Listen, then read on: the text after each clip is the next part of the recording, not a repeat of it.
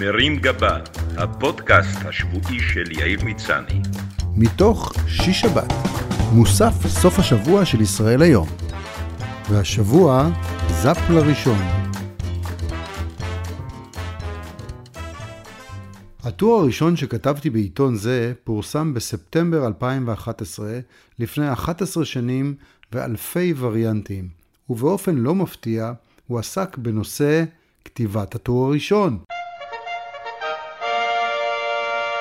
ובעובדה שלמרות שעשיתי כבר המון דברים בחיי, לא יצא לי אף פעם לכתוב באופן ממש רציף טור אישי.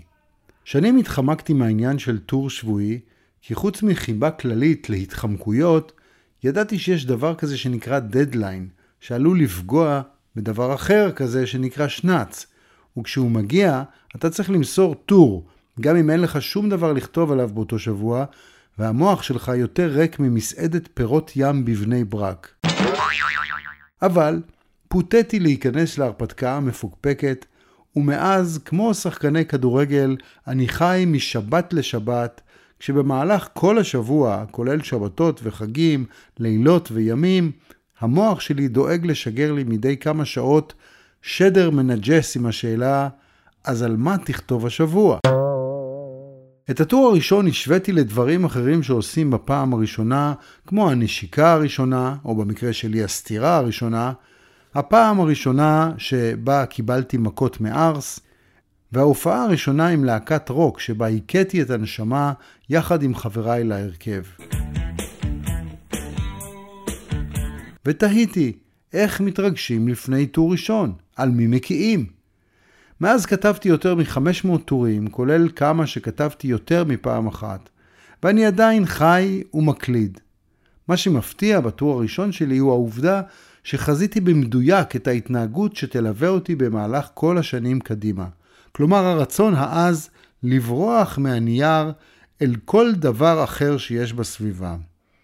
להתנדב להסיע את הילדות לחוגים, לאכול תפוח, להתעקש לקפוץ לסופר, לרצות אגס, להתנדב להחליף נורות, להוריד זבל גם כשאין כלום בשקית, ואם היו מציעים לי להחליף את הכתיבה בשכיבה על מיטת מסמרים כשלוחם סומו דורך עליי, כנראה הייתי מסכים גם לזה בשמחה.